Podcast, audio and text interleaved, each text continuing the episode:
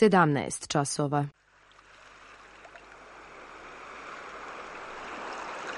Radio Televizija Srbije. Radio Beograd 2.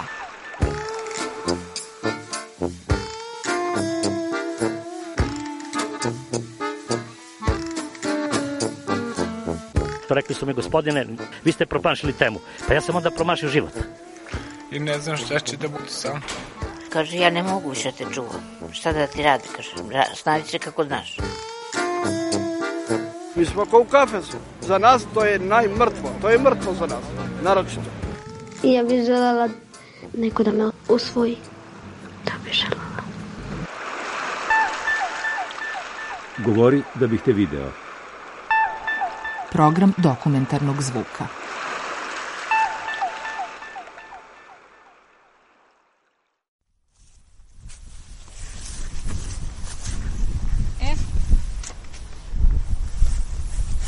Ajmo opet malo da formiramo neki polukrug. Ako nekome prija može i da sedne na pod.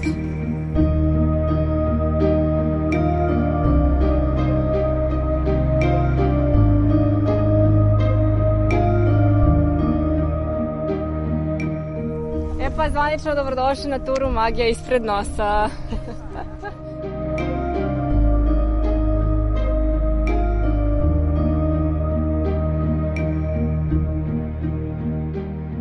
Ja sam Kristina, živim u Beogradu, sada sam turistički vodič, a inače sam završila uh, management i produkciju pozorišta radija i kulture na FDU i tu nam je taj glavni predmet management u kulturi bio ovaj, važan i tu smo imali jedan deo posvećen kulturnom turizmu.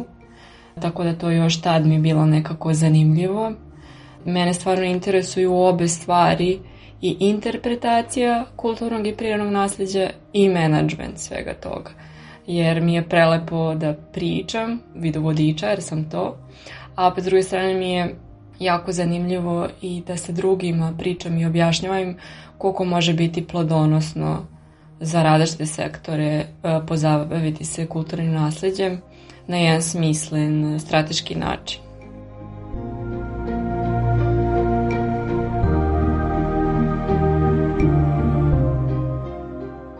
E ovako, ova tura je posvećena legendama drveća, znači različite drveća ćemo da pronalazimo. Posvećena je mitskim bićima, po srpskim predanjima i slovenskoj mitologiji, tako da ćemo te teme da pokrijemo. A jako je važno u ovoj turi da malo začutimo, malo pogledamo koru, malo pogledamo list drveta, da li ćemo umeti da prepoznamo taj list negde drugde u gradu, Tako da napravimo jedan e, kontakt sa okruženjem. I u stvari kad imamo jedno drvo, mnogo nam je teže da ga posjećemo. Ako znamo koje tu uh, insekti mile, koje ptice pevaju, koje vile tu sede ispod grana, teže ćemo da isječemo to drvo za potpalu. Zato što davanjem priča i konteksta mi činimo te veze mnogo emotivnim i dajemo neku, neki odnos.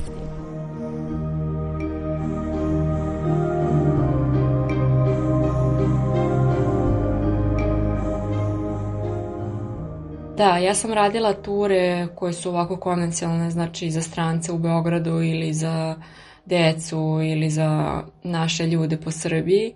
I tu sam se trudila neki način da malo napravim zanimljivije, tipa da podelim stare srednjovekovne recepte ili da pustim neku srednjovekovnu muziku ili da dajem neke mape, tako da uvek mi je bilo zabavno da to bude više interaktivno i da uključim više čula ali uvek sam imala uh, na, ono, u srcu želju da napravim neku turu baš u prirodi na svoj neki način i generalno ne postoje ture koje se bave samo nematerijalnim kulturnim nasledđem, što mislim da je ovaj, grota jer je tolika e, inspirativna i bogata građa. Eto, silom prilike sam prestala da radim te konvencionalne ture zbog korone i onda sam mogla sama da krenem da maštam i da razmišljam i uglavnom ture koje su mogle da se realizuju u narednom periodu su bile na otvorenom. Tako da sam krenula na neki način od onoga što imam ispred sebe, a to je da to iskoristim, a to je kej, Dunavski kej, znači ja sam na reci za 5 minuta, živim u Zemunu. I primetila sam da to je, postoji jedan prelep zeleni pojas između hotela Jugoslavija i spomenika Večna vatra i da tu postoje najrazličitije drveća. I onda mi je to bilo zanimljivo da se malo osvrnem i posvetim tom samom drveću i nekim pričama i legendama o njima, a naravno i da iskoristim što je tu Dunav i da onda bacim fokus i na neka mitska vodena e, bića iz naših predanja, tako da se u svemu tura jeste posjećena mitologiji prirode, dakle slovenskoj mitologiji, mitskim bićima po našim predanjima i legendama drveća.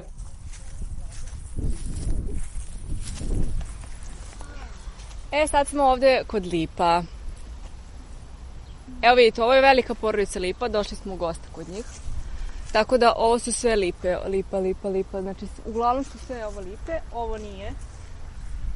Ne znam da ste primetili da svako šušanje lišća različito je i zavisi od vrste drveta kroz koju prolazi vetar. Breza ima prelep, prelep zvuk. A, na primer, topola, kod koje ćemo isto biti, ona je posebno poznata i govori se da je ta bela topola najlepša što se tiče treperenja zvuka. A sama lipa, gde se nalazimo sad, je sveto slovensko i germansko drvo i ono je simbol e, ljubavi i pravde. I vidite to srcasto, taj srcast list, to podsjeća kao neku ljubav i dosta venčanja se spremalo baš ispod lipa. Tako da, eto, po tome možete da zapamtite ovo drvo. I dosta naziva ima veze sa lipom, baš i kod nas i kod e, Nemaca. Naprimer, Leipzig grad je posvećen lipama. E, u Berlinu ima Under den Linden, jedna velika ulica posvećena čitava lipama. Lipanj je naziv za jun. Danas ga koriste u Hrvatskoj, ali mi smo isto nekada koristili taj narodni naziv. Tako da i dalje nekako je ostalo to ovaj, sve. Imamo dosta naselja u Srbiji, Lipovica, Lipanj. I dalje je to nekako tu. Tako da se veruje da to srcast, taj srcast list skupi energiju sunca tokom leta i proleća i onda kad vi napravite čaj, preko zime, vi opet se, se znači kroz ispijenje tog čaja, vi opet imate kontakt sa prolećnim suncem. Eto, društvo, idemo u sledeću porodicu.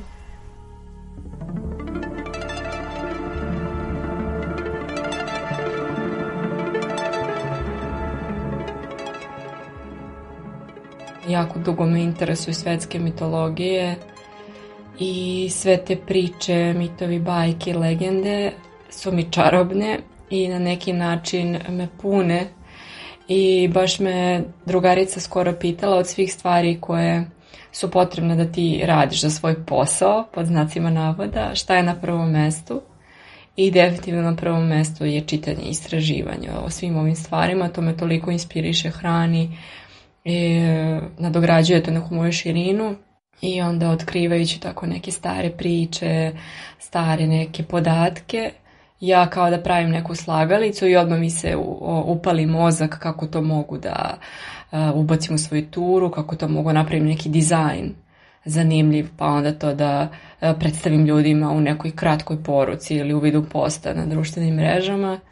Sve te priče jeste da treba etnolozi i naučnici, istraživači se time bave, ali te priče su postale među ljudima i nekako su širile dobar duh i pravile se neku dobru atmosferu i onda je greota da sve te priče ostanu samo za, za njih, za naučnike i da oni se tu e, bave analizom, a da mi ostali ljudi ovako sa strane ne radimo ono što su svi naši preci, to jest oni su prenosili baš te priče sa kolan na kolan.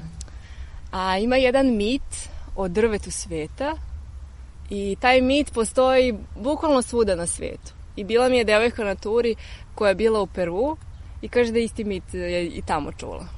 To je meni najlepše kod mitologije, što u stvari su jako slični elementi, jako su slične priče, a sad kako su se našli ovi iz Perua i Srbije, to, to, to je nešto zajedničko na nekom nivou koji ne, ne možemo da, da shvatimo. E to drvo sveta u stvari drži čitav kosmos, čitav svemir, drži jedno drvo. I u stvari na tim krošnjama gore su bogovi i oni tu obitavaju. A dole e, gde je korenje, tu je podzemni svet.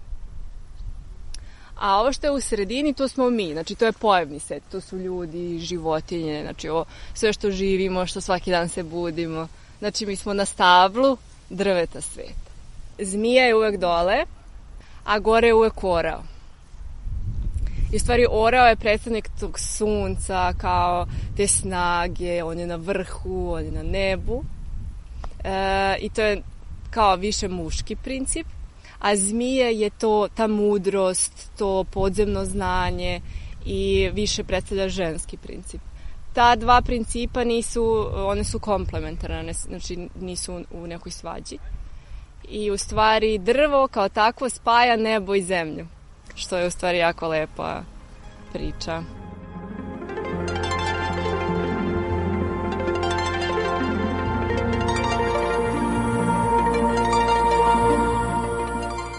Verovatno time što sam počela se bavim planinarenjem, su se sva ta interesovanja verovatno ubrzala.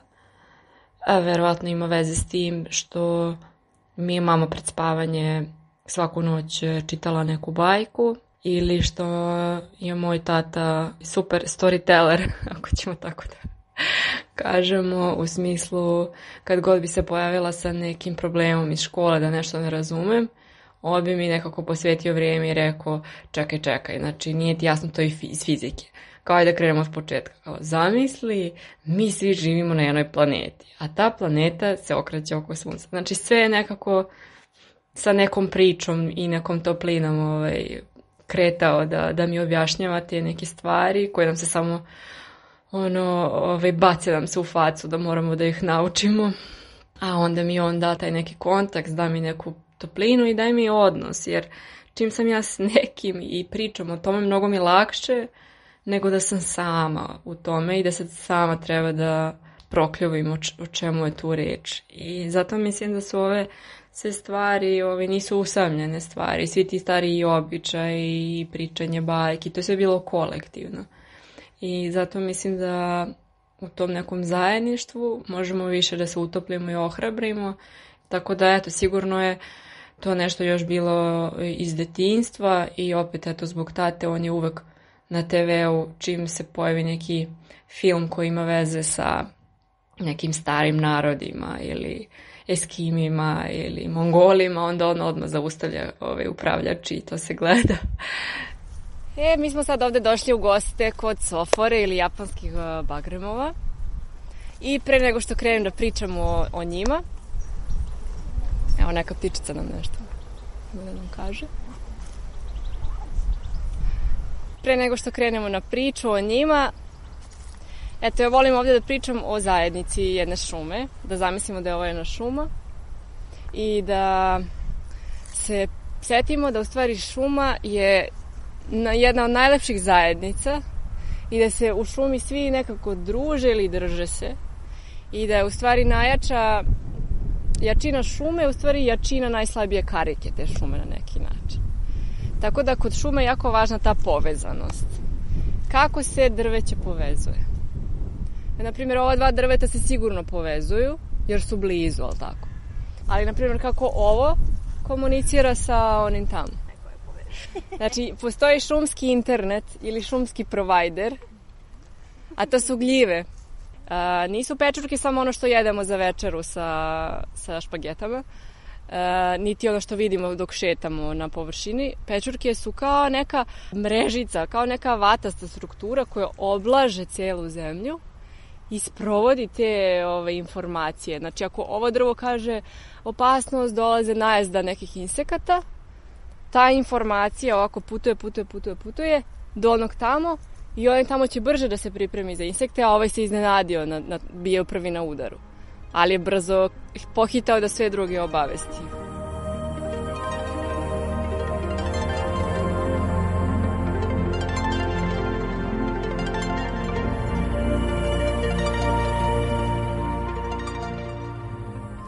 Drveće može da nas nauči lekciju o starosti.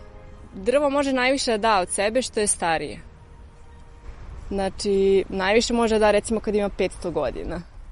A naši ovi šumarski inženjeri vide neko drvo od 50 godina i kažu, u super, taman za nameštaj. ali to je drvo ušlo tek u tine, tinejdžer. E sad, ako se starije drvo iseče, a pored njega je mlađe drvo, mlađem drvetu treba od 3 do 10 godina da dođe k sebi. Jer se baš navikao na tu pomoć, na usmeravanje, ovako stani da više dođe do sunca, evo ti je voda, ovako, znači kao neki roditelj u stvari. Tako da, ovaj, šta mislite, koliko su najstarije šume u Evropi? Znači, ne istaknuti pojedinci, znamo da postoji ne, neka istaknuta dugovečna stabla, ali koje su ovaj, baš e, najstarije šume, znači velike zajednice šuma. Koliko, šta mislite, koliko su stare? Najstarije drveće, to je šume, u Evropi su oko 200-300 godina. Da, 200-300 godina. Zato što zbog industrializacije su se šume masovno ovaj, sekle, a naučnici kad hoće da vide kako najstarije drvo utiče na čitavu zajednicu, znači e, kako zajedno su tako stari veterani, idu u Severnu Ameriku ili u Kanadu, e, tu su šume stare preko 500 godina. A ovaj, istaknuti neki pojedinci su, na primjer, po hiljadu ili pet hiljada godina, ali to opet nisu same onako džinovske šume o čemu mi pričamo, da bi znali kako to sve ovaj, komunicira. Tako da šuma, tek kad, drvo kad ima 500 godina, ono najviše daje, najviše znanja, najviše mudrosti, pomoći, podrške. I onda je moje pitanje e, da li e, i mi e, cenimo najstarije pripadnike naših zajednica, kao što drvo ceni svoje najstarije roditelje ili rođake ili prijatelje. Eto, to drveće može da nas nauči. Pa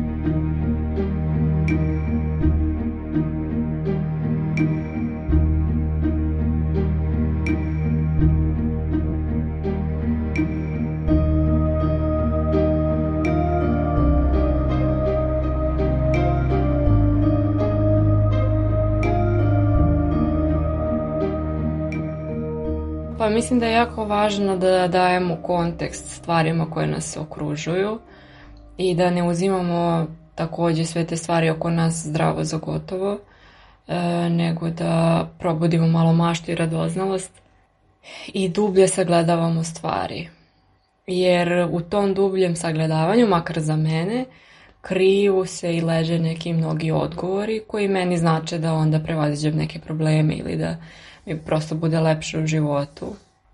I onda iz tog razloga imam potrebu da, da ako meni to pomaže, nadam se da može i nekom drugom da pomogne i da dobije neku inspiraciju i da, tako drvo jedno e, više nije samo neko ne, ne, neka usputna stvar, nego neš, neko živo biće koje nosi sa sobom i neke priče ili pesme iz prošlosti koji su baš u tom tipu drveta naši preci ispredali. U svemu ovome mislim da stoji jedna velika potreba da se možda sporije i svesnije živi, jer u toj brzini e, gubimo dosta toga. Gubimo deo nas i postajemo nekako kruti i nezainteresovani za čarobne svetove koji su tu do nas, ono, do, ne, nisu, ne moram da odem u neku livadu, planinu, gde je naravno čarobno, ali možemo i da uzmemo ono što je tu već oko nas i da nekako osvestimo to za ozbiljno.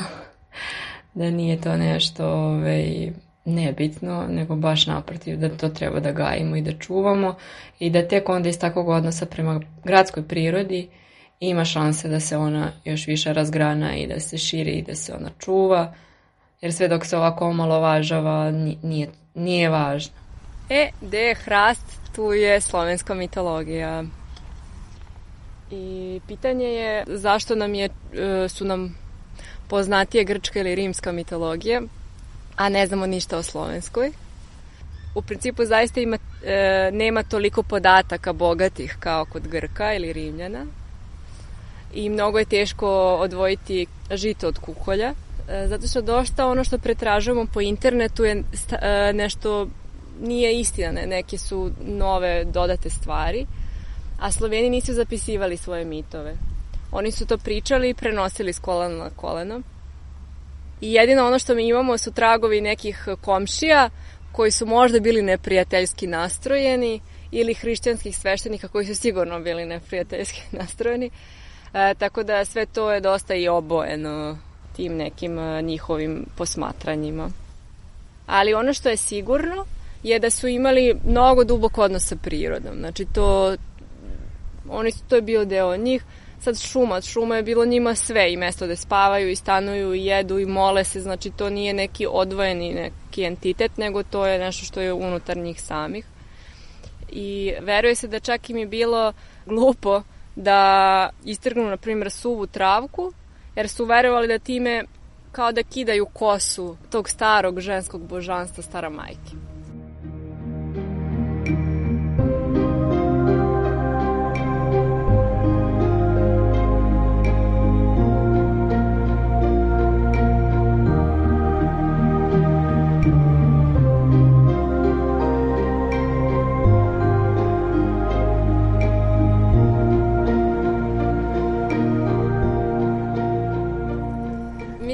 Bića ili duhovi prirode uh, su nevidljiva. Znači, postoje na tom nekom suptilnom nivou. A ako se i pojave da odjedan put budu vidljiva, to će biti samo noću, jer su lunarna bića ili e, onako živa su kad padne mrak. I ona se rode, na primjer, u, u listu, u, u travci, u rosi, u krošnji, u jezeru, u oblaku i u zavisnosti od toga gde se rodi, tu ostaje ceo život i to štiti. Glavna funkcija tih bića je da štiti mesto odakle su se rodili. Ona nisu ni dobra ni loša. Neko bi rekao da su onako detinjasta i prgava. Ne zna se sa njima kako će ovaj, izaći čitava priča na kraj. Ali u principu, ako hoćeš da naudiš to njihovom staništu, oni ne prezaju na koji način ćete kazniti. Najsurovije moguće ako je potrebno. E, veruje se da su nam oni nekada davno preneli sva znanja kako se gaje biljke, koja pečurka je otrovna, danas su nam oni to šapnuli. I stvari, savezništvo sa tim bićima je potrebno da bi se napravila harmonija u prirodi, jer oni imaju mnogo, mnogo veća znanja nego što ovaj, mi to imamo. I sad e, neko kaže kao što svaki čovek ima anđela, čuvara, tako i svaka travka, drvo ili cvet ima svog anđelog, anđela čuvara. Ali možemo da kažemo naučnim nekim jezikom da su oni kao inženjeri prirode koji se uh, vode računom da je sve onako kako treba da bude. Koje ćemo drvo da izaberemo da ostavimo poklon? Vili ili vilama? I samo nam treba jedan suv, suvi listić to će biti tanjirić. Vile vole mnogo slatko. Najviše mleko i med.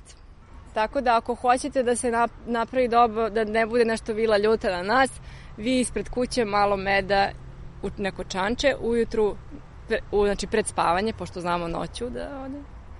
A ujutru ostavite, a ujutru ako vidite nema ništa u čanče, to znači da ćete napraviti dobro, e, dobro prijateljstvo sa vilom. A e, šta Vila najviše voli da radi? E, šta mislite? Voli da se kupa, ali nije to broj jedan aktivnost. Kad vidite u prirodi, šetate i vidite neke krugove, e, mnogo tamnija trava nego ostatak zemlje. To se zove vilino kolo. I tu vile plešu i noću nemojte da stanete u centar tog kruga, molim vas jer se razljute, neće nek neko. Oni nisu onako pozivajući da plešete sa njima, nego to je njihova sveta aktivnost i ne žele da neko tu njuška. Tako da ako stanete u taj centar može da vas kazni i da postanete vilovnjak. Vilovnjak je osoba koja je nastradala od viline ruke. Tako da ona voli da pleše, voli da peva, da igra, voli da jaše i da izaziva srpske junake na to ko će biti brži sa konjem. I ako vidite u konju jednu pletenicu, znajte da je vila jahala konja.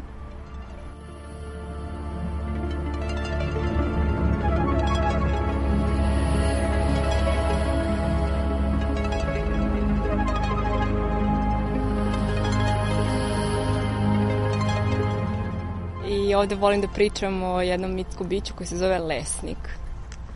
A, lesnik je gospodar svake šume, po našem predanju. I on u stvari može se napravi neka paralela sa panom, ne znam kom je... Znači on može se kaže da izgleda kao kentaur, ima opet te magareće ili konjske noge, ima zelene oči, plavu krv i rogove i mnogo je zanimljiva kao pojava e, zato što njegova veličina zavisi od mesta u šumi u kom se nalazi u tom trenutku.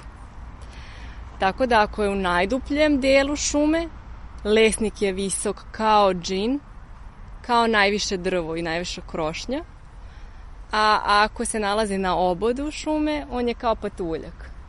Ako se nalazi na livadi, on kao da nestaje. Se osjeća užasno nesigurno.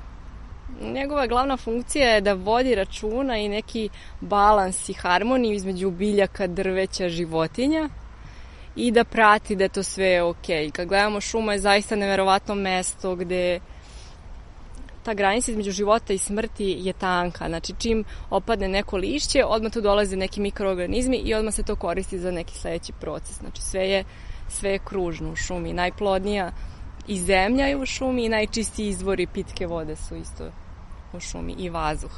I šume su veliki sunđeri buke. Šume sisaju buku civilizacije i tu, tu možemo najveće tišine u stvari čovjek može se zapita gde se kriju ovaj, te apsolutne tišine. E, taj lesnik, on voli malo da zafrkava ljude, jer kao što smo rekli, mitska bića vole malo da prave neke e, zvrčke. E, tako da lesnik e, voli da ljude natera na neki pogrešan put ili da lovce e, osujeti na neki način. Ali postoji jedna preporuka Kaže se za lesnika, da bi bio siguran, ti obuci desnu cipelu na levu nogu, a levu cipelu na desnu nogu. I on ćeš biti miran i siguran, neće lesnik da te ovaj, poremeti. E, tako da znate to obavezno za njega. Kad idem po šumama ili rekama, uhvati me strah, jer onda krenu sve te priče i ja nisam ona koja to gleda samo na nekom hladnom nivou i kao, ma to je neka smejurija. Ja to stvarno uzimam za ozbiljno i za mene sva ta vića postoje i nek se ljudi smeju tome, ali ne znam zašto. Meni duša kaže da da ove stvorenja prirode postoje.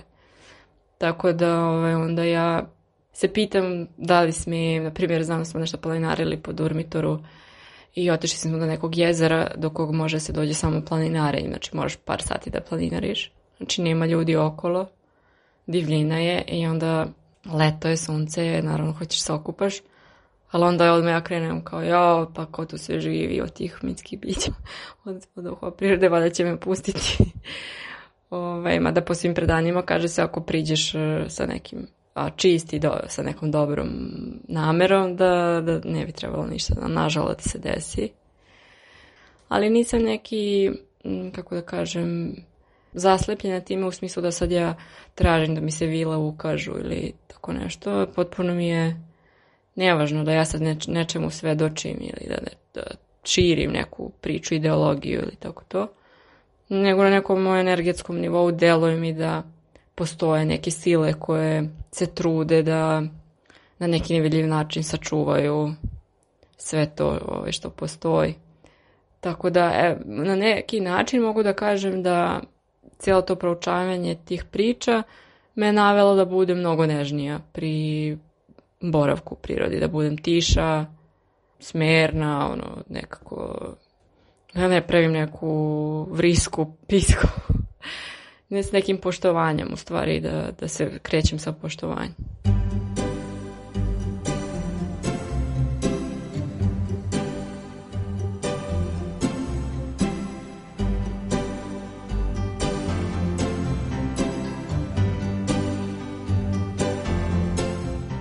Čuli ste reportažu Kristina iza sedam gora. Autor Milana Radić.